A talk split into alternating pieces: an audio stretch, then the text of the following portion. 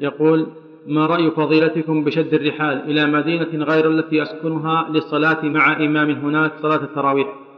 ما شد الرحال؟ لأجل الصلاة مع الإنسان أو عيادة مريض أو زيارة في الله محبة في الله؟ لا بأس. إن المنع منهي عنه. شدها لأجل بقعة لأجل المسجد من المساجد يصلي في غير الثلاثة. أو بقعة يعظمها هذا ينهى عنه.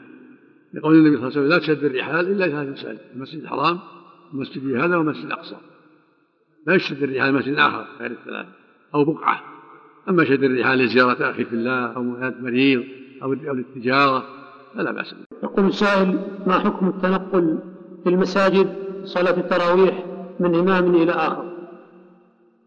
الأولى المؤمن إذا تيسر بقربه إمام مناسب أن يصلي معه أما إذا دعت الحاجة إلى يتنقل ولا يضر ذلك مسجده مسجده قائم ولا يضره تنقله فلا لا حرج في ذلك. إذا ذهب إلى مسجد يرتاح إلى قراءة الإمام وهو يخشع فيها ويستفيد من ذلك لا لمجرد التلاعب لا بأس. لكن لمصلحة شرعية.